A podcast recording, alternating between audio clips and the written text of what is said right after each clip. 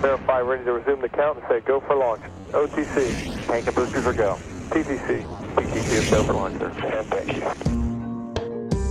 Velkommen til Rumsnak, en podcast om rumnationen Danmark og de danske rumaktiviteter inden for både forskning og forretning. Mit navn er Tina Ibsen. Jeg hedder Anders Høgh Nissen. Spænd selen og start nedtællingen. Vi er klar til affyring. one, zero, and liftoff. All right, uh, lift off and the clock has started. Velkommen til Rumsnak og den helt officielle launch af sæson 3. Ja, vi har jo allerede 20 startet lidt i sidste uge, hvor vi sendte en lille bonusepisode med færdigbygningen af den Lego-model af den internationale rumstation ISS, som vi begyndte på i sidste bonusepisode fra sæson 2. At vi kunne altså ikke have det siddende på os, at vi ikke nåede at blive færdige med de cirka 850 klodser, som der var i det her sæt. Så øh, selvfølgelig så skulle modellen bygge færdig, og øh, jamen, det brugte vi faktisk en dag i sommerferien på. Ja, og det er blevet til et lille bonus-bonus-afsnit på en øh, times tid, som man kan gå tilbage og høre, hvis man ikke allerede har hørt det, så man kan få bevis for, i hvert fald i en eller anden grad. Det er jo kun øh, lyd. Ja, men vi at- klarede at det. Vi, byggede, vi klarede det, ja. Men Tina, nu skal vi jo rigtig i gang med sæson 3, og jeg har altså virkelig, virkelig glædet mig til den her første episode, fordi vi også har været ude af huset, i modsætning til det meste af sæson 2, hvor vi jo var coronaramte, ligesom alle andre, og lavede Zoom-interview, heldigvis med en masse gode mennesker. Men der var vi i den her uge ude at møde virkelige mennesker ude i den fysiske virkelighed, og så har vi ovenkøbet været inde og stå i et vaskeægte månehabitat. Sådan Ja. næsten da. Sådan næsten da, ja, fordi at øh, lige om lidt, der kan I komme på tur med os hos Saga Space Architects, som ligger ude i Sydhavnen. De har brugt sommeren på at bygge en prototype øh, af sådan en mærkelig sammenklaplig månehytte, der kan øh, huse to personer, og som øh, måske en anden dag kan bruges som et habitat op på månen. Men i første omgang skal det altså afprøves på Grønland. Ja, og det her månehabitat, Lunark, det vender vi tilbage til lidt senere. Først så skal vi have et par aktuelle nyheder, og så selvfølgelig også lidt baggrund om Saga Rumarkitekterne og deres Lunark Habitat. Det sker alt sammen lige her i Rumsnak. Jeg hedder Tina Ibsen. Og jeg hedder Anders Høgh Nissen. Og så bliver jeg simpelthen også som øh, gammel radiomand lige mm. nødt til hurtigt at tilføje, at vi dengang ikke sidder flere kilometer fra hinanden og optager, sådan som vi har gjort øh, i coronatiden. Mm. Vi sidder heller ikke i det studie, vi også har brugt. Af en hel masse årsager, vi ikke skal jer med, så sidder vi i det samme lokale, ude i virkeligheden, bag mikrofonerne, mm. på behørig afstand selvfølgelig, Selvfølgelig. Og, og, og badet i håndsprit. Ikke? Men hvis man synes, at det lyder lidt anderledes, så det måske runger lidt i det her lokale, så er det altså derfor. Det kan også være, at der dukker mennesker op øh, uden, uden for vinduerne eller uden for dørene, og så kan man også høre, det, det er en del af prisen, man betaler. Men øh, det er en fornøjelse at sidde over for dig igen, Tina, i stedet for altid bare at tale sammen via Zoom. Jeg kunne selvfølgelig også sige, Anders, at det er en fornøjelse at sidde over for dig igen. Jeg vil ikke tvinge noget ned i halsen på dig. det er super. Mm. øh, men det mener jeg faktisk. Det er Ja, bare ja, noget, det er jeg siger Ja, har- radioen. og jeg har det ja. på bånd. Ja, det, Loud and men inden vi kaster os over månehytten, som vi måske kunne kalde den, Mhm. så tager vi altså et par korte nyheder fra Rumland. Og den her gang, der har vi valgt en nyhed hver, som sådan, vi synes har været ekstra spændende hen over sommeren. Og øh, Anders, vil du ikke lægge ud? Jo, det vil jeg gerne. Jeg har valgt en lille opfølgningshistorie, kan man sige, på en af de mest spændende nyheder fra vores sæson 2. Der fortalte vi jo sammen med resten af verden stort set om opsendelsen af de to amerikanske astronauter med en SpaceX-raket i det her Crew Dragon-modul. Det var jo øh, øh Bob Behnken og Doug Hurley, der den 31. maj blev sendt afsted op til ISS i den her SpaceX-raket i det helt nye Crew Dragon-modul. Og det foregik helt efter planen. De har så været deroppe øh, en del uger efterhånden, men nu er de vendt tilbage i løbet af sommeren. Bob Behnken og Doug Hurley, de to astronauter, de plaskede ned til jorden den 2 august, hvor de landede i Atlanterhavet lidt uden for, øh, for Floridas kyst. De forlod ISS den 1. august, og så nåede det altså at blive den 2. august hernede på jorden, mm. før de plaskede ned i vandet og blev samlet op af, af NASA's folk, og de havde det heldigvis begge to fint. Og nu er den mission altså øh, fuldbyrdet, kan man sige. Jo, og det var jo en kæmpe succes for SpaceX, fordi det både var launchen og, og landingen, der, der gik godt. Og det gør faktisk, at øh, nu er de i gang med at planlægge den næste Crew Dragon, øh, som de kalder den, den første Crew Dragon 1. Øh, men faktisk her til foråret i 2021, der skal den europæiske astronaut Thomas Pesquet, som er en del af Andreas Mogensens astronauthold, han skal op med Crew Dragon 2. Så det bliver rigtig, rigtig spændende. Også prøve en af de her nye øh, specielle rumdragter, ved vi det? Jamen det skal han, hvis han skal med op med den, så er det de nye, så er det nyt rumdragt. Altså okay. så er det så træder han ind i fremtiden. ja, det, det må man sige. Nå, det er, det er lidt spændende, ikke? Altså, jeg synes sgu, det er, det er et lidt cool projekt. Mm, jamen, og det, det virkelig, altså det sætter nye perspektiver for rumfarten fremadrettet, så det bliver super, super spændende at følge med i, og det vil vi jo selvfølgelig også gøre her. Klar. Tina, hvad har du med til os? Jamen, jeg, har, jeg synes, jeg har taget sommerens største rumhistorie med. Øhm, det blev jeg nødt til, fordi i slutningen af juli, der blev NASA's Perseverance rover sendt afsted mod Mars. Og det var faktisk blot en af tre rumsonder, der nåede at blive sendt afsted i det her opsendelsesvindue, der har været her til sommer øh, mod Mars. De to andre øh, rumsonder, de var blev sendt afsted fra Kina, og så øh, fra de Forenede Arabiske Emirater. Og for både Kina og de Forenede Arabiske Emirater, der var det første gang, de sendte noget op. NASA har selvfølgelig gjort det mange gange før, men Perseverance roveren øh, er jo helt, helt ny, og det bliver super spændende. Og den talte vi faktisk også om faktisk i starten af sæson 2, før at øh, vi blev helt coronaramte. Mm. Der havde vi besøg af Morten Bo Madsen og Jens Frydenvang, der begge to har været involveret i det her. Så hvis man vil høre lidt mere om den mission også, så kan man gå tilbage i arkiverne og finde det. Men altså, efter planen, så kommer Perseverance til at lande på Mars i februar, og, øh, og skal tage de her øh, boreprøver øh, af Mars, så nogle ja, små boreprøver, der så forhåbentlig inden for en årrække på 10-15 år eller sådan noget, skal hentes tilbage til jorden. Så det er sådan en helt ny måde at lave Mars-missioner på. Øh, og opsendelsen der gik også efter planen, så det bliver super spændende at følge med i det. Ja, og, og nu øh, bliver der så lidt ventetid, ikke? Jo. Og det kan være, at vi synes, det er lang ventetid, men jeg er helt sikker på, at hvis man arbejder med nogle af de instrumenter, der skal bruges, eller roveren selv, eller har været med til at sende op øh, og, og skal stå for kommunikation og koordinering af selve missionen, så synes man, det er rigtig, rigtig lang tid at sidde og vente, ikke? Jo, og så har man det der, de kalder, er det seven minutes of terror, eller sådan noget, hvor at når, når, når modulet skal lande på månen, så sker det jo alt sammen automatisk. Øhm, og her, der, øh, altså, du får først at vide, om det er lykkedes syv minutter efter, at den er landet, så det hele skal simpelthen foregå fuldstændig automatisk. Og der har man arbejdet lidt med en ny måde at lande på øh, den her gang, så det bliver rigtig, rigtig spændende, og selvfølgelig det. Ja, der, sidder, der sidder nogen og holder vejret mm. i samtlige syv minutter. Ja. Jeg har altså lige taget et par bonus-ting med os. øh, Du kunne ikke se, om- dy dig? Jeg kunne ikke dy mig. Vi aftalte en historie hver, men det kan jeg jo ikke holde mig til. Men det, det er to ganske korte ting, og i virkeligheden er det mest bare for at sige, at jeg har lagt nogle links i vores show notes, som man kan underholde sig med, mm. øhm, hvis, hvis man har tid og lyst. Det ene er, at vi linker til en YouTube-video fra det, der hedder NASA's Solar Dynamics Observatory, eller SDO. Og det er en uh, timelapse-video, de har lavet af solens overflade fra de sidste 10 år. Og så har de fået en komponist til at tilsætte sådan noget atmosfærisk uh, musik, ikke? Og, og det er virkelig, virkelig super flot og imponerende og meditativt at sidde og kigge på og smække den op i fuldskærm og så sidde og syre lidt ud til, hvor, hvor fantastisk solens overflade ser ud, når den er filmet, og så altså følge øh, dens øh, dynamiske udvikling over de sidste 10 år. Det er virkelig, virkelig pænt at sidde og se på, ikke? Så man skal glemme tv-pejsen og sætte solen på i stedet for. Lige præcis, mm. det er øh, astrofysikernes tv-pejs. Ja. Det er lige præcis det, det er. Og så har jeg altså også været inde og se den film, der hedder Proxima, øh, som handler om en øh, kvindelig ESA-astronaut, og der er jo også en, en fyr med, som spiller en dansk astronaut, øh, som, som øh, har været hendes backup øh, på, på den mission, de skal op til ISS, en af de sidste rummissioner, inden de skal sendes, øh, eller der skal sendes astronauter til Mars. Men det handler i virkeligheden meget om forholdet til øh, mellem, mellem kvinden her og hendes datter. Øh, hun er fraskilt, og der, der er en masse, altså sådan noget hverdagsligt roderi med, hvem passer hvem, og så skal hun over på træningslejr i Kazakhstan, eller hvor det er, ikke? Og, øh, og, og, og der kan datteren ikke komme med over, de skal i karantæne, sådan som vi også har snakket om med Andreas mm. Mogensen i sidste sæson og så videre.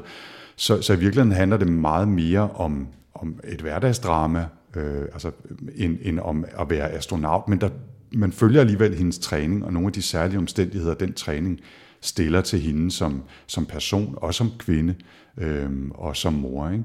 Og jeg synes faktisk, det var, det var en lille, sådan lidt indie-agtig film, men den var rigtig, rigtig god. Desværre i talende stund, så er den allerede pillet ud af biograferne. Den, den gik ikke længe, og det, jeg var også inde og se den i en af de mindste sale i, øh, i Gran. Men den kommer forhåbentlig øh, til udlejning på et eller andet tidspunkt, eller en streamingtjeneste en dag, og så skal man altså gøre sig selv den tjeneste, at man ser Proxima. Det vil jeg i hvert fald gøre. Det skal du. Mm. Og så er der heller ikke flere nyheder i denne omgang. Okay, it's a nice ride up to now. Nå, Anders, Ja, skal vi ikke komme i gang med temaet for den her episode? Vi skal øh, t- snakke lidt om de her rumarkitekter og deres månehytte, som vi kalder den i hvert fald.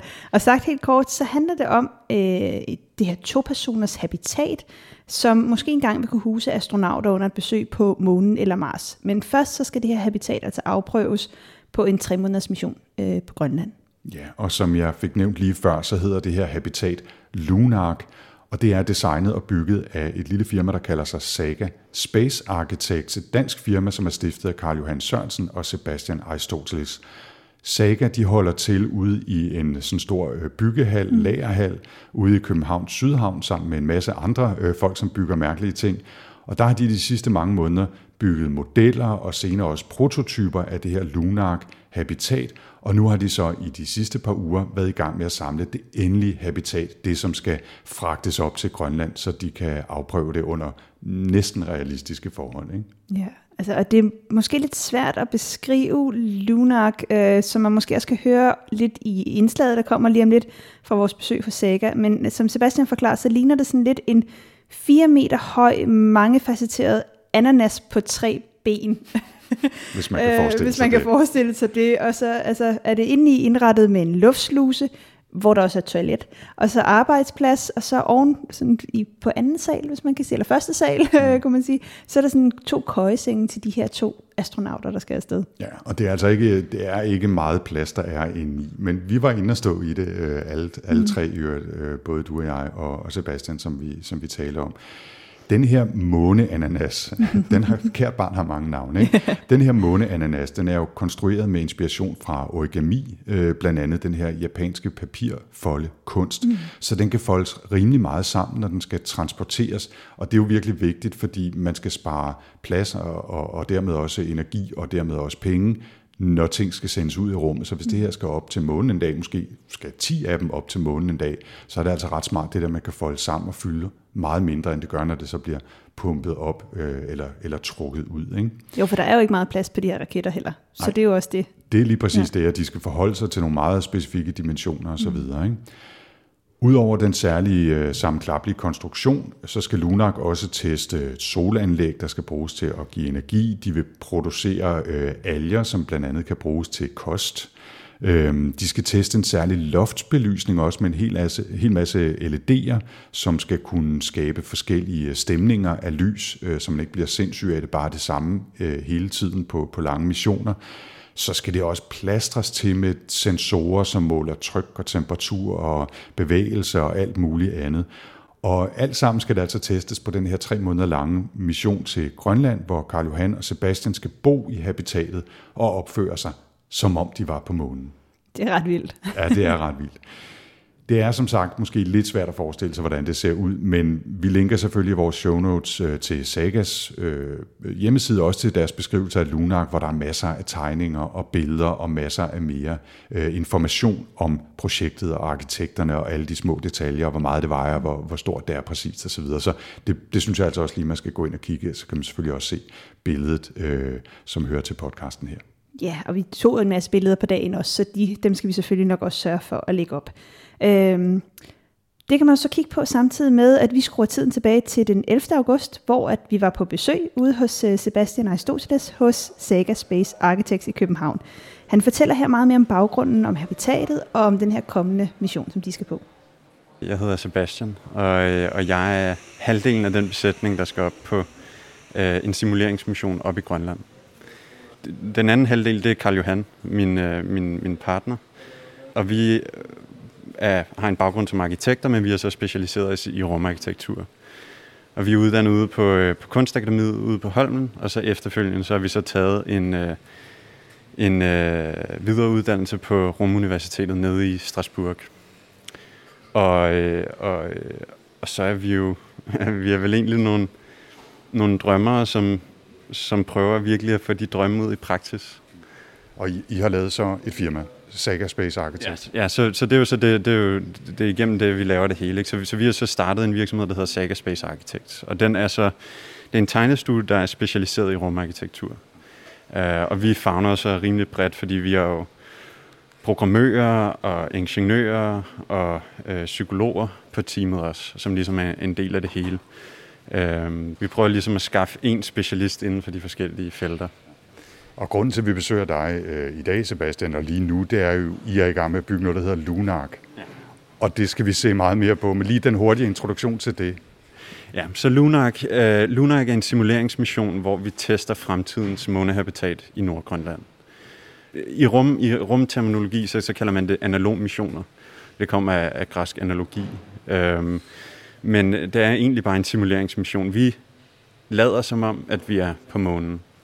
Øhm, og det, hele ideen den stammede egentlig med, at, at mig og Carl, vi var involveret i et lignende projekt, som simulerede et Mars-habitat i, i ørkenen i Israel for halvandet år siden. Og øh, da vi kom hjem fra den ørkentur der, og vi, vi havde så tegnet en, en tilbygning til deres habitat, og, øh, og, og vi havde så været med dernede en måneds tid for at hjælpe med at sætte det op. Øh, som er en helt anden fortælling, at bygge noget i Israel, og vi var på en fabrik, og det var bare det var et stort kaos. øh, men, øh, men, men da vi kom hjem derfra, det var, der var vi, det var mega fedt at få lov til at være involveret i det. Men det var også lidt, vi var ikke helt tilfredse med seriøsiteten af simuleringen. Det virker fjollet, når du inde i hovedstrukturen kan se revner og, og kan mærke vinden blæse igennem. Og det er 35 grader varmt, og du tager din rumdragt på, og du går udenfor, og du kampsveder, og du har bare lyst til at tage hjælpen af. Øhm, så da vi kom hjem, der ville vi gerne. Men til problemet var, at det blev for teatralsk. Det blev ikke, det blev ikke, det føltes ikke ægte. Og hvis du virkelig gerne vil studere øh, stressen, det, det, og, øh, psyk, hvad skal man sige, det psykologiske stress, der er i at, i at være på, et, et, et, øh, på månen eller, eller på Mars for den sags skyld øh, og du gerne vil studere, hvad for nogle countermeasures, altså hvad for nogle, øh, hvad skal man sige, hvad for nogle hjælpemidler, der er til, de, til, til den psykologiske stress, så bliver den stress også nødt til at være realistisk. Øh, så da vi kom hjem, der, blev vi, der, der, der, der begyndte vi ligesom at tænke en masse, og vi havde, vi havde haft nogle tanker omkring, hvor, hvor, på ver- hvor i verden vil det bedste sted være at simulere en månemission. Hele rumindustrien er ligesom, ah, ikke hele, det meste af rumindustrien er blevet enige om, at månen er det næste skridt før Mars. Øhm, så den, det her simulerede godt nok Mars men i, i Israel der, men vi vil så gerne arbejde med månen. Øh, og det er også mere inden for en nær tidsramme. Så vi, øh, så vi kigger over hele jorden, og vi ved, at det første sted, vi tager til på månen, det er The Peak of Eternal Light. Og det er det her øh, øh, kratertop, eller bjergtop kan man næsten kalde det, som er under næsten konstant sollys. Øhm, og det er super fedt, fordi så, så har vi en, øh, en energiressource øh, i et ellers rimelig øh, fjendtligt miljø. Øh, udfordringen med det er for mennesker, at vi ikke har en naturlig døgnrytme. Og det var sådan en eller anden hage, som vi ligesom hang i, mig og Karl. Vi er jo arkitekter, og vi trivsel og, og, og, og psykologisk velvære er ligesom, det, det er noget, at vi sætter virkelig højt. Ikke? Øhm, og det er også der, vi føler, at vi kan, vi kan tilføje noget. Der er nok ingeniører, der er nok, øhm, øh, hvad skal man sige, forskere øh, inden for at overleve i det ydre rum. Hele vores mantra, det er jo, at vi gerne vil trives i det ydre rum. Så vi tænkte, okay, hvis man skal simulere det, hvis vi skal have et sted med de samme lysudfordringer, som op på, som op på månen, ved the peak of eternal light, så er det bedste sted at kigge på jorden, det er ved polerne. Så det er ved Nordpolen eller ved Sydpolen. Og i og med, at vi ligger i Danmark, så giver Nordpolen bare mest mening. Øh, og så fordi at Grønland og Danmark har den, øh, det forhold, som de har, så gjorde det det også utrolig meget nemmere, troede vi. Det viser sig, at det at få noget til Grønland er så ekstremt svært, øh, fordi der er så nogle andre karakterer øh, for stedet, som, som, som, som, som så spiller ind. Vi, vi ville jo gerne have et sted, som var utrolig koldt, det var utrolig isoleret, og skulle det være utrolig monotont, så du ikke havde stimuli natur og dyreliv og alle de ting. Fordi det, hvis du skal igen skal, skal teste nogle psychological countermeasures, så bliver du også nødt til at teste en realistisk øh, psykologisk stress. Øhm, og derfor så landte vi så på Grønland, og det er halvandet år siden, at vi, vi, vi fik de idéer, og så på det halvandet år, der var det jo så meget samle funding og begynde at designe habitat og finde et sted i Grønland, vi kunne være, og sådan nogle helt praktiske ting, som hvordan fanden finder man forsikring til det. Altså det er virkelig, det viser sig at være øh, en af mine største hovedpiner. Øhm, det tog, Så, så tænk på, hvordan det bliver, når du skal til månen. Det bliver rigtig svært. Jeg havde en samtale med dem, der øh, forsikrer din payload, øh, når du sender noget til månen, eller øh, når du sender noget i orbit. Men han sagde til mig, hvis du bare skulle sende det her habitat på månen, ville det være nemmere for mig at forsikre det, end hvis du skal til Grønland. Øh, for det var ligesom det, det var hans domæne, ikke? Han var vant til ligesom den, den, den form for risikoanalyse. Øh, ja. Men så, ja, så vi, det tog os cirka ni måneder at udvikle den her foldbare struktur, som ligesom er en af vores øh, måske mest signifikante opfindelser i det her projekt. Det er en, en, en foldudbar øh, habitatstruktur, som jeg kan fortælle lidt mere om senere, hvorfor det er smart. Øh, og, det, og så har vi bygget i et halvt års tid, og nu er der 11 dage tilbage, så jeg, jeg, jeg vil sige, øh, der er tryk på. Ja, det kan jeg forestille mig. Skal vi ikke øh, prøve at kigge lidt rundt her? Øhm, Du kan vise øh, og fortælle, og så, øh, så, så snakker vi løbende. Det, vi kigger på nu her i hjørnet, det er øh, habitatet, en arbejdsmodel af habitatet i fuld skala. Øh, Så øh, den lavede vi for godt et halvt års tid siden, og mens vi ligesom designede strukturen færdigt, så kunne vi bruge den model til at udvikle interiøret. Nu der, der er noget baggrundsstøj, det er okay. Det er en del af det arbejdende miljø. Det er bare fantastisk. Altså, det er så kedeligt at sidde i et studie altid. Og det er fantastisk at komme ud og høre, at der er 3D-printer og boremaskiner og sliber og fræser og folk, der råber i baggrunden og sådan noget. Så det er, det er en del af charmen. Okay, okay. Ej, men det er jeg glad for. Øhm, det er jo sådan, ja, det er lidt ægte, ikke? Meget. Øhm, men ja, så, så, så, så den står ligesom der, og den, vi har sovet i den et par nætter, og nu, de dage, hvor jeg har virkelig travlt herude, så, så overnatter jeg også i den. Øh, men hvis Karl ikke sover i den, så tager jeg hans kabine, for han er altså han er to meter høj, så hans kabine er lige lidt større end min. Så, øh, så der, der er masser af plads.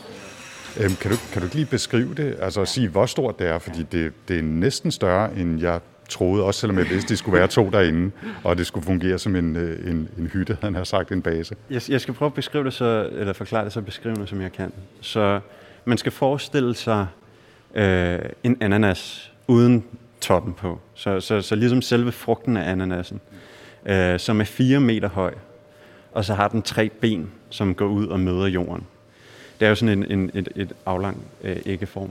Øhm, og så er den, den er jo på det bredeste, er den lige under 3 meter bred. Vi- den, den stopper lige om lidt, så vi kan lige... Den, Du skal bare snakke. Okay, okay. Øhm, og så den her er jo så hvid, men den rigtige kommer ikke til at være hvid. Den her var hvid, fordi at, øh, øh, det var lidt nemmere at holde styr på, så kan du se øh, samlingerne og sådan noget nemmere. Men oppe i Grønland, der bliver den helt sort, og det kan vi også se, når vi går udenfor. Øh, vi har jo øh, kulsorte carbonpaneler og sorte solpaneler. Øhm, og det har været... øh, Der, hvor vi kan have lidt indflydelse på æstetikken, så har det været ret vigtigt for os ligesom at, at få det til at se skarpt ud. Ikke? Øhm, I er jo arkitekter. Man kan ikke lade være. Ja. Så et stort, øh, facetteret rum-ananas-æg, Ja. der er 4 meter højt og, hvad sagde du, 3 meter bredt. Ja, cirka 3 meter bredt i diameter. Ja. Øh, og så øh, de her samlinger, som er, er 3D-printede, som er specielle, fordi alle de her plader, eller de her facetter at habitatet jo møder hinanden i forskellige vinkler på forskellige steder, og i øvrigt skal øh, kunne bevæge sig også. Ja, så det her, det, så, så mock her, den er fuldstændig statisk. Den kan ikke folde, den kan ikke bevæge sig. Øh, og det har vi andre prototyper, der kan. Og grunden til, at den ikke kan det, det er fordi, at det, der var vigtigt her, det, der var vigtigt her, det var bare at, øh, at få udviklet interiøret. Øh, og br- få brugt noget tid derinde, og sidde derinde og arbejde, ligesom at mærke, når vi har så få kvadratmeter, altså der er, det, er jo indvendigt er det 7 kvadratmeter stort, og, øh, og 3 meter op til loftet. Så der er forholdsvis højt til loftet, men samtidig øh, så er fodaftrykket ret lavt. Øh, så, så det svarer jo selvfølgelig ikke til 7 kvadratmeter ude på Nørrebro vi, øh, i en, en eller anden lejlighed. Vi, vi optimerer jo pladsen meget mere, så vi designer de fleste ting med flere funktioner. Hvor sporer kan folde op, så det giver os mere gulvareal, og øh, airlocken, som er døren ind, er også vores vådrum og vores toilet, og der hvor vi tager vores bad, og der hvor vi hænger alle vores dragter og hjelme. Øhm, så, øh, så de 7 kvadratmeter er altså mere end 7 kvadratmeter i normal forstand. Øhm, Kan man stikke hovedet indenfor?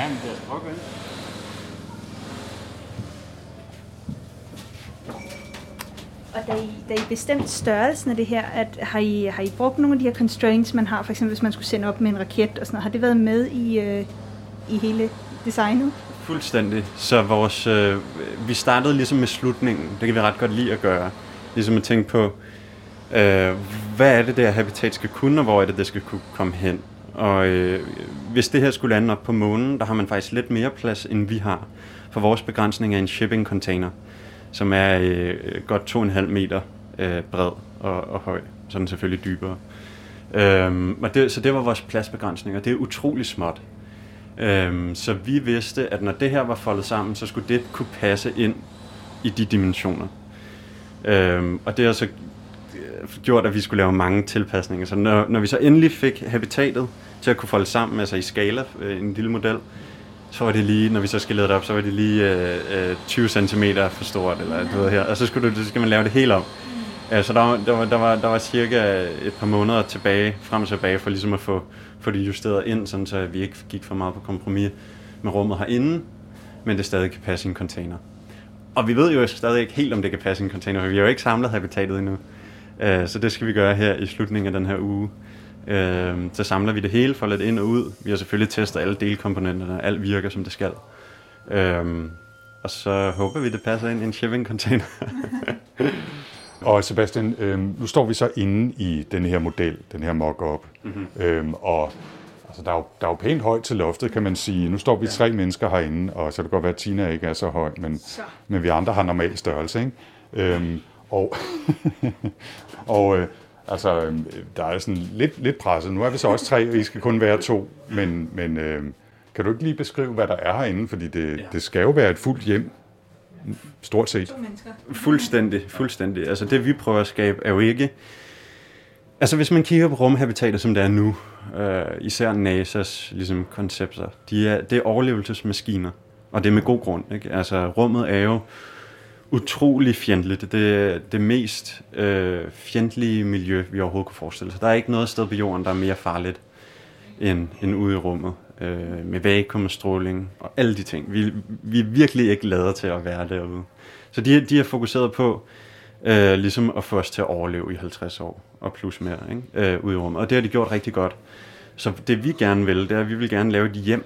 Altså vi vil gerne gøre det her hjemligt, sådan, så når vi sidder op på Grønland, væk fra alle vi kender, alle vores minder, alle vi holder af, øh, og alt tryghed og sikkerhed, øh, så vil vi gerne have, at vi i det mindste fik den hjemlige og rolige og hyggelige øh, følelse, som, som, som vi kender derhjemmefra. Og det er jo ret abstrakt, hvad er det, der gør et, hjem til et hjem. Men, men der er ligesom nogle ting, vi har gjort. Så øh, vi har valgt at, at prioritere opholdsrummet meget. Så opholdsrummet, som vi står i nu, det er cirka altså, det, der er, hvis jeg står i den ene ende med den ene hånd, så kan jeg tage fire skridt hen til den anden ende og sætte min anden hånd på væggen. Så det er jo det er ikke særlig bredt. Men så til gengæld, så er det lige over 3 meter højt. Og det vil sige, at, at man ikke får den trykkede følelse, som man meget hurtigt kan få, når der er lavt til loftet. Og selvom det kun er halvdelen af rummet, fordi ovenover os i kanterne, der er vores sovekabiner. Så man kan sige, at det er kun halvdelen af loftet, som er, som er 3 meter højt, men det giver stadig en følelse af, at hele loftet er 3 meter højt. Øhm, og det, det, det, det synes jeg, vi har gjort rigtig godt, den prioritering. Man kan så sige, det har jo så, du tager altid væk af noget andet, og det vi fandt ud af i sovekabinerne her i mock det er, at den var lige smal nok til, til mine skuldre og til Karls skuldre. Øh, så, så, så, så i den endelige, der har vi lige tilføjet øh, 10 cm her, og lige et par centimeter over i Karls side også. Men det er altså to øh, sovekabiner, som er oppe i ja, to meter og skal vi sige 20 eller sådan noget, en stil, ja, de begynder ja. så op til loftet, ja. hvor I kan kravle op og ja, sove ja. hver for sig, så I ikke skal ligge i ski øh, de der mange lange dage på, på Grønland, når I skal teste, eller når I engang skal til månen forhåbentlig. Ja. Og ellers er der, ja, hvad er der mere herinde? Så er der, øh, ja, så er der øh, vores arbejdspladser, som, som også vi har prioriteret meget højt. Øh, for vi, det vi kommer til at lave, når vi er oppe på Grønland, det er hovedsageligt forskning, øh, det er øh, vedligeholdelse af habitatet og så øh, personligt arbejde. Øh, vi prøver ligesom at holde en realistisk øh, rutine i forhold til, hvad, hvad astronauterne gør på rumstationen. Øh, og og, og et, et af de råd, vi også fik fra Andreas Munden, det var også, at vi skulle holde os beskæftiget. Vi skulle ligesom have, ellers så bliver det nogle tre meget lange måneder. Ikke? Øh, ja. Ja, og nu, nu, ser, altså, nu står vi jo herinde, og der er ikke nogen vinduer nogen steder. Er det, øh, er det noget, I har tænkt over?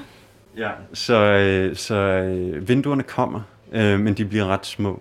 Altså man kan sige, at vores yndlingssted på hele rumstationen, det er Cupola. Det er den her, det her dome-vindue, hvor du ligesom, du, det, det er ikke bare fladt, du kan ikke bare kigge ud af det, du kan stikke hovedet ind i det, og ligesom få sådan en panorama-kig. Måske det vindue i vores univers med den bedste udsigt. Øhm, og, og, og, og det elsker vi, så vi skal selvfølgelig også have nogle vinduer her. Øh, men i forhold til analogien til månen, så har du ikke lyst til, at der er for meget stråling, der skal komme igennem strålingsbarrieren, og op på Grønland har du heller ikke lyst til at miste for meget varme. Så vores vinduer bliver forholdsvis små, men til gengæld så flytter vi dem ret tæt på kroppen, og det giver så en effekt af, at, de, at, at, at udsynet bliver større. Ikke? Så der kommer til at være, lige ved min arbejdsplads, kommer der til at være et kighul her, og ved Karls arbejdsplads på den modsatte side af habitatet kommer der til at være et, et, et, et udkig, og det samme kommer der til at være i døren, der kommer der til at være et udkig, altså i selve hoveddøren ud til, og så i vores sovekabiner, der har vi vores eget lille vindue, hvor vi kan ligge og, kigge ud på ingenting.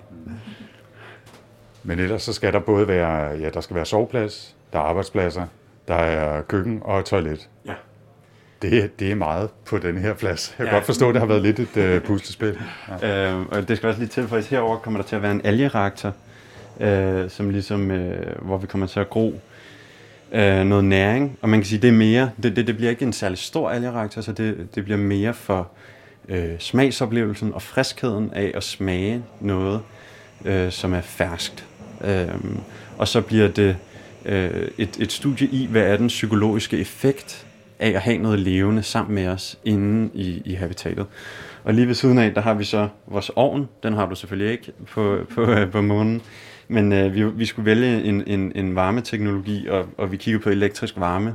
Og det var simpelthen bare for, øh, det var bare for dyrt i energi øh, deroppe. Vi har solpaneler med til, til, til den tid, hvor der er sollys, og så har vi generator med til den tid, hvor der er mørke. Øhm, og der, det, det kræver simpelthen bare for meget energi, hvis du skal varme det op med el. Øhm, og der er meget mere øh, energidensitet i brændstof, så vi øh, har en lille bitte brændeovn med, eller en øh, refleksovn, så den, den kører på petroleum. Øh, og det kommer ligesom, jeg tror, det kommer til at have en meget, altså Arnen eller, eller ildstedet har jo sådan en psykologisk meget vigtig del af vores, sådan, af vores øh, kultur, ikke? og sådan er det været over hele verden, at øh, man samler sig ligesom om, om varme ildstedet. Øh, og så det tror jeg også, vi automatisk vil gøre på Grønland. Ja, og så når man for eksempel er på rumstationen, som, som astronauterne er, så er der jo sådan løbende forsyningsmissioner, øh, hvor man får nye forsyninger. Ja. Er det noget, I har tænkt ind i jeres mission, eller skal I simpelthen leve uden forsyninger i de her tre måneder? Øhm, så vi får ikke resupplies. Øh, vi får det, vi tager det op med det, vi har. Så vi har 184 kilo pulvermad med. og det er, det er altså øh, nok til, til to øh, mennesker øh, i tre måneder, plus 20 procent, som bare er redundans. Det, faktisk 184 kilo er ikke særlig meget, men det er fordi, det er dehydreret. Så forestil jer, I skal, man skal, så skal man ligesom tilføje 2,5 liter væske til dit daglige måltid hver dag. Så alt, hvad vi spiser deroppe, øh, det bliver øh, pulvermad blandet med vand. Noget af det bliver varmt, noget af det bliver koldt i shakes. Og så øh, spiser vi så tre proteinbar samtidig. Så det, så det, det er ligesom vores, vores måltid deroppe. Øhm, og derfor har vi også, det har så også muliggjort, at vores køkken er blevet reduceret til bare øh, at kunne håndtere vand og, øh, og, og ikke andet. Vi skal bare noget varme noget, noget vand på, på, på komfuret her. Ikke? Øh, Sebastian, nu står jeg her med ryggen til, til udgangen, men det er jo ikke bare en almindelig udgang. Kan du lige prøve at forklare, hvordan øh, den ser ud? Jo, så det er vores airlock eller vores luftsluse. Og det er igen, altså alt er jo designet til at kunne erstattes med en rumteknologi. Så det kan godt være, at øh, hvad skal man sige, habitatet kan ikke holde et tryk op på Grønland, der vi ikke prioriteret. Men det kan holde os varme, og det kan holde os sikre. Men hver eneste ting er lavet sådan, så det kan erstattes med en, med en, med en rumteknologi, som vil kunne klare det, ikke også? Og samtidig er, er rumorganiseringen også øh, analogisk til, hvordan man vil gøre det på månen. Og derfor har vi også en airlock. Og airlocken er for, lad os sige, at du skulle lave en EVA på månen, at du skulle, du skulle ud og lave en, en, en månevandring, øh, så vil du ikke miste det tryk, der er. Så derfor så øh, lukker du airlocken, og så tager du din rumdragt på inde i airlocken, og så lukker du døren her til opholdsrummet, og så øh, depressuriser du ligesom airlocken, og så tager du et skridt ud, og så, øh, og så holder du stadig trykket inde i, inde i opholdsrummet. Grunden til, at, at det, det også giver god mening i Arktis, er, at vi mister mindre, kul, eller mindre varme på den måde. Øh, så det, det giver super meget god mening at have den. Øh, og samtidig så, så gør vi det sådan, så at der ikke er våde ting, der kommer ind i opholdsrummet. Så alt vådt er ligesom inde i det rum. Så det er dragter, fodtøj, alle ting er derinde. Toilet har vi så valgt at placere derinde også, sådan, så det ikke bare er dead space. Men fordi vi virkelig skal optimere.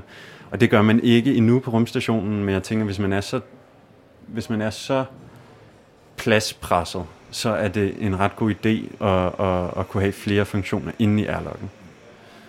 Altså, jeg synes, her er enormt hyggeligt. Jeg ved ikke, hvordan, øh, hvordan du har det herinde, Tina, Ja, men jeg synes også, der er hyggeligt. Altså, jeg kan da godt se, der er sådan lidt... Øh, sådan et øh, barnelejrskole, et eller andet over at have hver sin, øh, sin lille bunkbed deroppe. Det er der da noget vildt hyggeligt ved. altså, jeg tænker, om, om den her øh, øh, mock-up ikke kunne, kunne øh, lydisoleres lidt og så bruges som et studie. Og så skal jeg bare lige snakke med andelsforeningen om at have den stående op på tagterrassen, fordi det kunne jeg godt forestille mig kunne være rigtig hyggeligt. Faktisk så vil du blive glædeligt overrasket, fordi geometrien indvendigt, det er den her facetterede øh, skal, som du forklarede tidligere. Og den, geometrien i sig selv opbryder lyden rigtig godt, men så lægger vi skumisolering, så øh, 6,5 cm skumisolering hele vejen rundt, som er utrolig øh, lydabsorberende, så det bliver den, den bedste akustik herinde, når, når vi er færdige med det. Men hvis I alligevel er i gang med at lave en, så lav lige en til. Så, sådan- så behøver, og, og der behøver ikke være to køjer, bare en, bare en enkelt. Øhm, skal, vi, skal vi prøve at hoppe ud af, af Ja. airlocken her, og så måske lige se på, på nogle af de elementer, der er forhåbentlig ved at være klar Ja. til den rigtige. Ja. Og så skal man lige passe på hovedet her. Hov, jeg har den fast i et eller andet der. Sådan, der var et kabel. Der er kabler alle vejen, når man laver radio. Sådan der kom jeg ud, og så har vi så ikke gjort det helt efter øh, forskriften med at, at lukke alle dørene i, i rækkefølge. Man kan også sige, det, det som er lidt øh, specielt i vores mock når vi har sovet inde i weekenden, det er jo så forbandet varmt her i København lige for tiden. Øh, så når vi sover deroppe, så ligger vi og kampsveder. Øh, men det kommer vi ikke til at gøre i Grønland. Øh, så det, det er lidt svært at se bort fra det. Der er et par ting, vi lige skal have på plads. Og et af, et af de spørgsmål, jeg har, det er, hvordan får I energi derop? Altså nu øh, øh, har I en lille ovn inde i, i modulet, men hvordan får I ellers øh, energi til jeres instrumenter og, og hvad I ellers har behov, behov for? Vi har, øh, vi har prioriteret øh, at have nok energi ret højt. Øh, ligesom, ligesom på Sydpolen af månen, som er det næste øh, manned mission øh, exploration site, der, øh, der, der har du konstant sollys. Og det er vi så heldige, at vi stort set også har de første 5-6 uger, mens vi er deroppe. Der har vi øh, øh, midnatssolen. Øh, så derfor så har vi solpaneler på halvdelen af skallen. Nogle, nogle virkelig lette, øh, fleksible og tynde solpaneler, øh, som, som, som, som så bliver limet fast på skallen der. Og de burde kunne holde os kørende i de første fem uger. Øh, ligesom alt andet rummet, så, øh, så, har vi, så prioriterer vi redundans. Så vi har selvfølgelig ikke kun ét energisystem med. Så derfor har vi også øh, en backup-generator med, hvis solpanelerne, hvis der skulle ske et eller andet, hvis, det ikke, hvis, det, hvis der er blevet lavet en, en, en beregning forkert, at det ikke producerer den energi, som, som, som de havde regnet med. Øhm, og så selvfølgelig til vintermånederne, eller når vi begynder at gå ind i mørkemånederne, så, så har vi så 5-6 uger øh, med mørke. Og der, og der er det altså helt sort. Og der kan vi ikke køre på solenergi selvfølgelig, så der kører vi på, øh, på generator øh, udelukkende. Og det, de kører på benzin. Og hvad så med kommunikation? Altså, du og Karl øh, kommer til at skulle underholde hinanden øh, ret lang tid, og så I bliver sikkert også sure på hinanden, og trætte af hinanden, og irriteret på hinanden og alt muligt andet. Kommer I til at kunne tale med andre og kommunikere med andre? Skal vi lige gå ud? Ja, lad, lad, os, lad os gøre det. Ja. Og der er lidt, lidt mere fred herude, trods alt. Der er lidt mere fredeligt her. Så mig og Karl, vi kan, øh, vi kan snakke. Øh, vi, vi har ikke internet. Lad os, det kan vi lige så godt sige. Vi har ikke internet. Øh, vi har kun den underholdning, vi selv tager med. Der er ikke noget Netflix, der er ikke noget YouTube, der er ikke noget Facebook, der er ikke noget af det. Øh, vi har en meget øh, simpel dataforbindelse til en enkel small sat, eller CubeSat er det vel næsten, der, der, er- der er en testsatellit for en virksomhed, der hedder Lacuna Space. Og de har givet os fuld adgang til den, så Simon sender, så har udstyret habitatet, øh, okay, det skal måske også lige forklare, så hele habitatet er, øh, er smækket op med sensorer. Så der er cirka, jeg tror det er 76 sensorer i habitatet, og det er alt fra temperatur og fugtighed og lysstyrke og, øh, og øh, hvad hedder det nu, øh, bio, biometriske sensorer på Maja Karl, øh, hjerterytme, øh, søvnkvalitet, øh, aktivitetsniveau. Så, så der er masser af sensorer inde i habitatet, og det, det er noget, vi giver øh, til forskerne, så de ligesom har adgang til, til al den data. For at være ekstra sikker på, at alt bliver fanget, fordi der er så mange, der er investeret i det her projekt, så bliver hver gang den lille satellit kommer over os, så sender vi små data packages op, men vi snakker kilobytes. Så det er ligesom, altså, det, det, du vil ikke kunne sende et billede, for eksempel. Så vil det fandme være et lille billede, ikke? Vi snakker øh, et par pixels. Um, så, øh, så, så det er ligesom den dataforbindelse, vi har. Udover det, så har vi en VHF-radio, øh, som er en helt normal marineradio, som man øh, kan snakke med, med, med militærbasen, der er deroppe, den øh, Thule Airbase. Der snakker vi med Arktisk Kommando dagligt, øh, som giver os en vejrudsigt, så vi ved, hvordan, hvad vi kan forvente vejret bliver. Øh, og så er det ligesom også et kom-check, bare for at tjekke, at alt er i orden, om vi er okay, eller om hvis de skal øh, i værste tilfælde sende nogen til, til evakuering. Øh, Udover det, så har vi en satellittelefon. Igen redundans. Hvis det ene ikke virker, så skulle der noget andet. Øh, og så har vi også en, øh, en, en øh, PLB, eller sådan en øh, emergency beacon, som ligesom bare er en SOS-knap, øh, også, også på satellit, som, som du bare klikker, og så, og så, så, så bliver den sendt afsted. Så vi, så vi har masser af backup, men, men, men ikke mere forbindelse end det. Sebastian, øh, nu var vi inde og stå i mock-up'en før, og det, var, det føltes meget realistisk og så videre. Man kan godt se, at den var, den var ikke helt klar til, til mission. Det, det er de der dele, de skal jo bruges ja. på det færdige. Det, der skal afsted om i talende stund øh, lidt over en uges tid. Øh, hvordan øh, adskiller de sig fra, fra mock-up'en? Øh, så det du ser der er, øh, øh, hvad skal man sige, den færdige struktur. Det er topdomen, det er midtersektionen, og så gemt et eller andet sted heromme bagved, der er bunden. Og de tre dele bliver sat sammen med to metalringe, de store aluminiumsringe, som vi kiggede på tidligere. Og de er færdige. Og det vil sige, de, de kan folde, og de lader materialer, der er øh, øh, forholdsvis øh, øh, øh, vandtætte og, og, og lufttætte. Og så er det lette materialer, og det er meget stærke materialer, der kan holde til det arktiske miljø. Øhm, og så er, er de meget federe. det, er jo, det, det er jo, altså, vi, vi havde jo ikke regnet med, at vi var så heldige at finde en partner, som vil levere kulfiber sandwichpaneler til projektet. Man kan sige, at hele projektet er jo, det er jo, det er jo drevet af en, en, en masse ildsjæle, som virkelig brænder for det her. Øhm, og, og, og bliver virkelig båret af, af frivillig arbejdskraft, af venner, familie og kærester. Alle er herude og hjælpe til nu, ikke? Øhm, hvor det, det startede bare med at være mig og Karls drøm. Øhm, og der var vi så heldige at finde en partner, som, som, som, som havde en, et nyt produkt, som er nogle kulfiberpaneler, som, som er isoleret med en, med en øh, kerne, en skumkerne, øh, som vi så tester for dem op i Arktis. Øh, så, så, så det I ser nu er, er den samme struktur, men det er en, det er en sort, højglans, øh, øh, facetteret diamant. Ikke? Altså, når den står op i det kolde landskab, så håber jeg, at det kommer til at ligne sådan en sort perle, der står øh, deroppe. Og så går, når vi så, på den ene side her, der tilføjer vi så solpanelerne, og de er jo så også sorte og funklende, så de kommer til at gå, gå helt i et med, med, med yderskallen. Det kommer simpelthen til at se så fedt ud. Det kan jeg, det kan jeg godt sige nu. Det, øh, og det er ikke kun fordi, jeg elsker alt, der er sort. Det er også fordi, det er et, et virkelig cool projekt. Ja. Sebastian, her på, på falderæbet. Altså, øhm, I skal op. I talende stund er der 11 dage, tror jeg, vi blev enige om, til I skal afsted. Så det er lige op over, at alting skal, skal til at være klar. Og så skal I være deroppe i tre måneder. Ja. Hvad bliver det vigtigste for jer at teste med henblik på øh, tanken om at skulle have et tilsvarende habitat på månen en dag? Virker strukturen, altså virker selve geometrien, hvor let er det at folde ud, øh, og, og om noget virker er ikke binært, i hvilken grad virker det? Virker det bedre, end vi havde forventet? Øh, virker det dårligere? Hvor lang tid virker det? Øh, og det er den meget strukturelle ting, som er forholdsvis nem at forholde sig til. Så er der det, det mere øh, menneskelige aspekt af det. Var det hjemligt nok? Følte vi os stimuleret? Var der plads nok? Skulle vi have prioriteret organiseringen af rummene anderledes? øh, var overfladerne, vi valgte. Altså, jeg kunne snakke uendelig meget om, om indeklimaet inde i det habitat. Var det de rigtige valg, vi tog der? Øh, øh, man kan sige, der er så mange systemer. Det er et system, jeg slet ikke har haft tid til at snakke om, som jeg er meget stolt af. Det er, vi har udviklet de her LED-paneler, øh, og øh, faktisk i samarbejde med Louis Poulsen. Og det er nogle kæmpe store LED-paneler, som sidder over Maja Karls arbejdsplads, og som sidder oppe i loftet af habitatet. Og det giver os en total naturlig døgnrytme.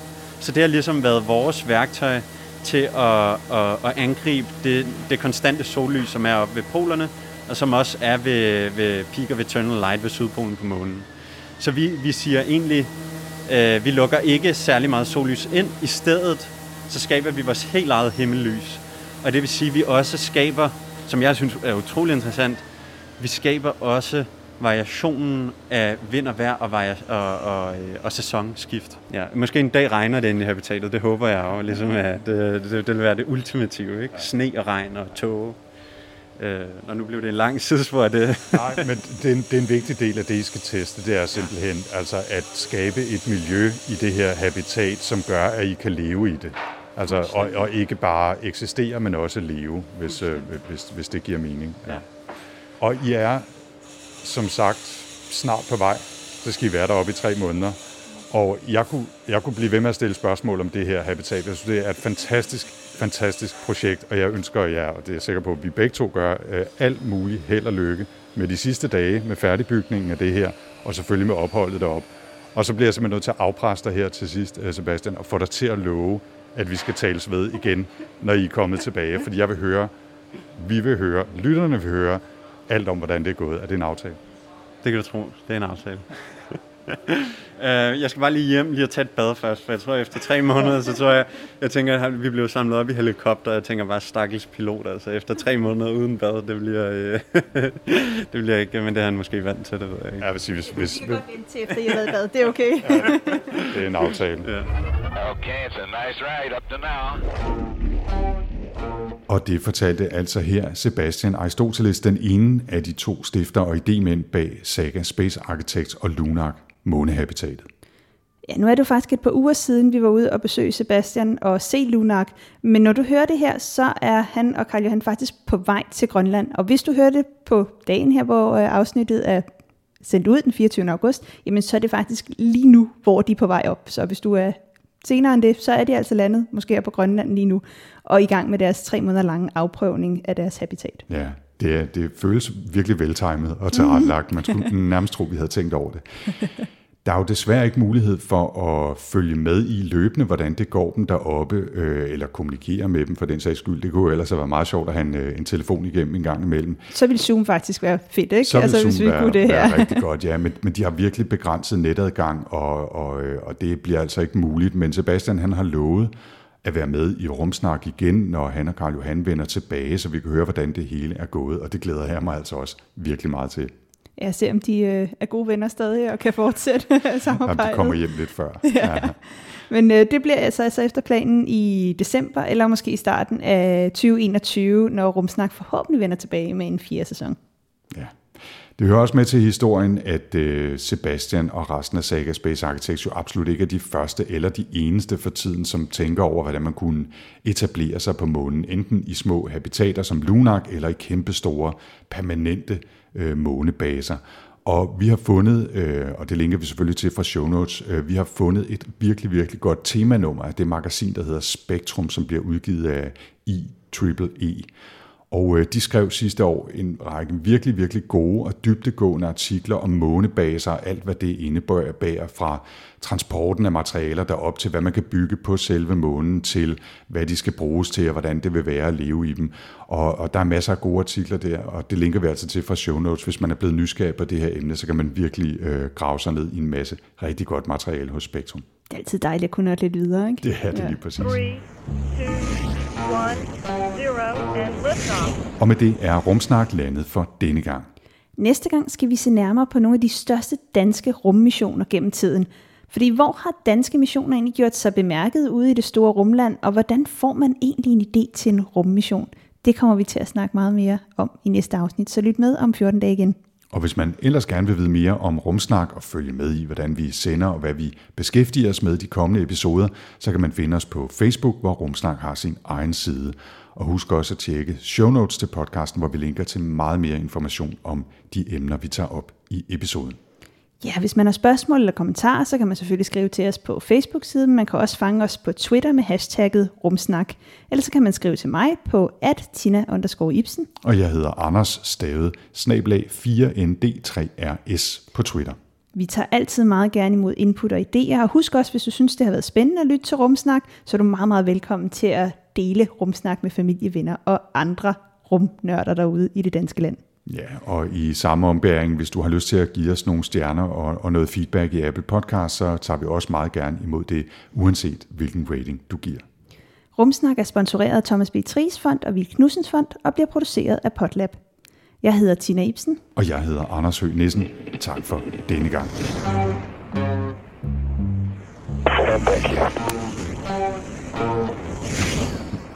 Lyden af Tina, som øh, vifter med armen i begejstring over, at det lykkedes at optage. Hurra!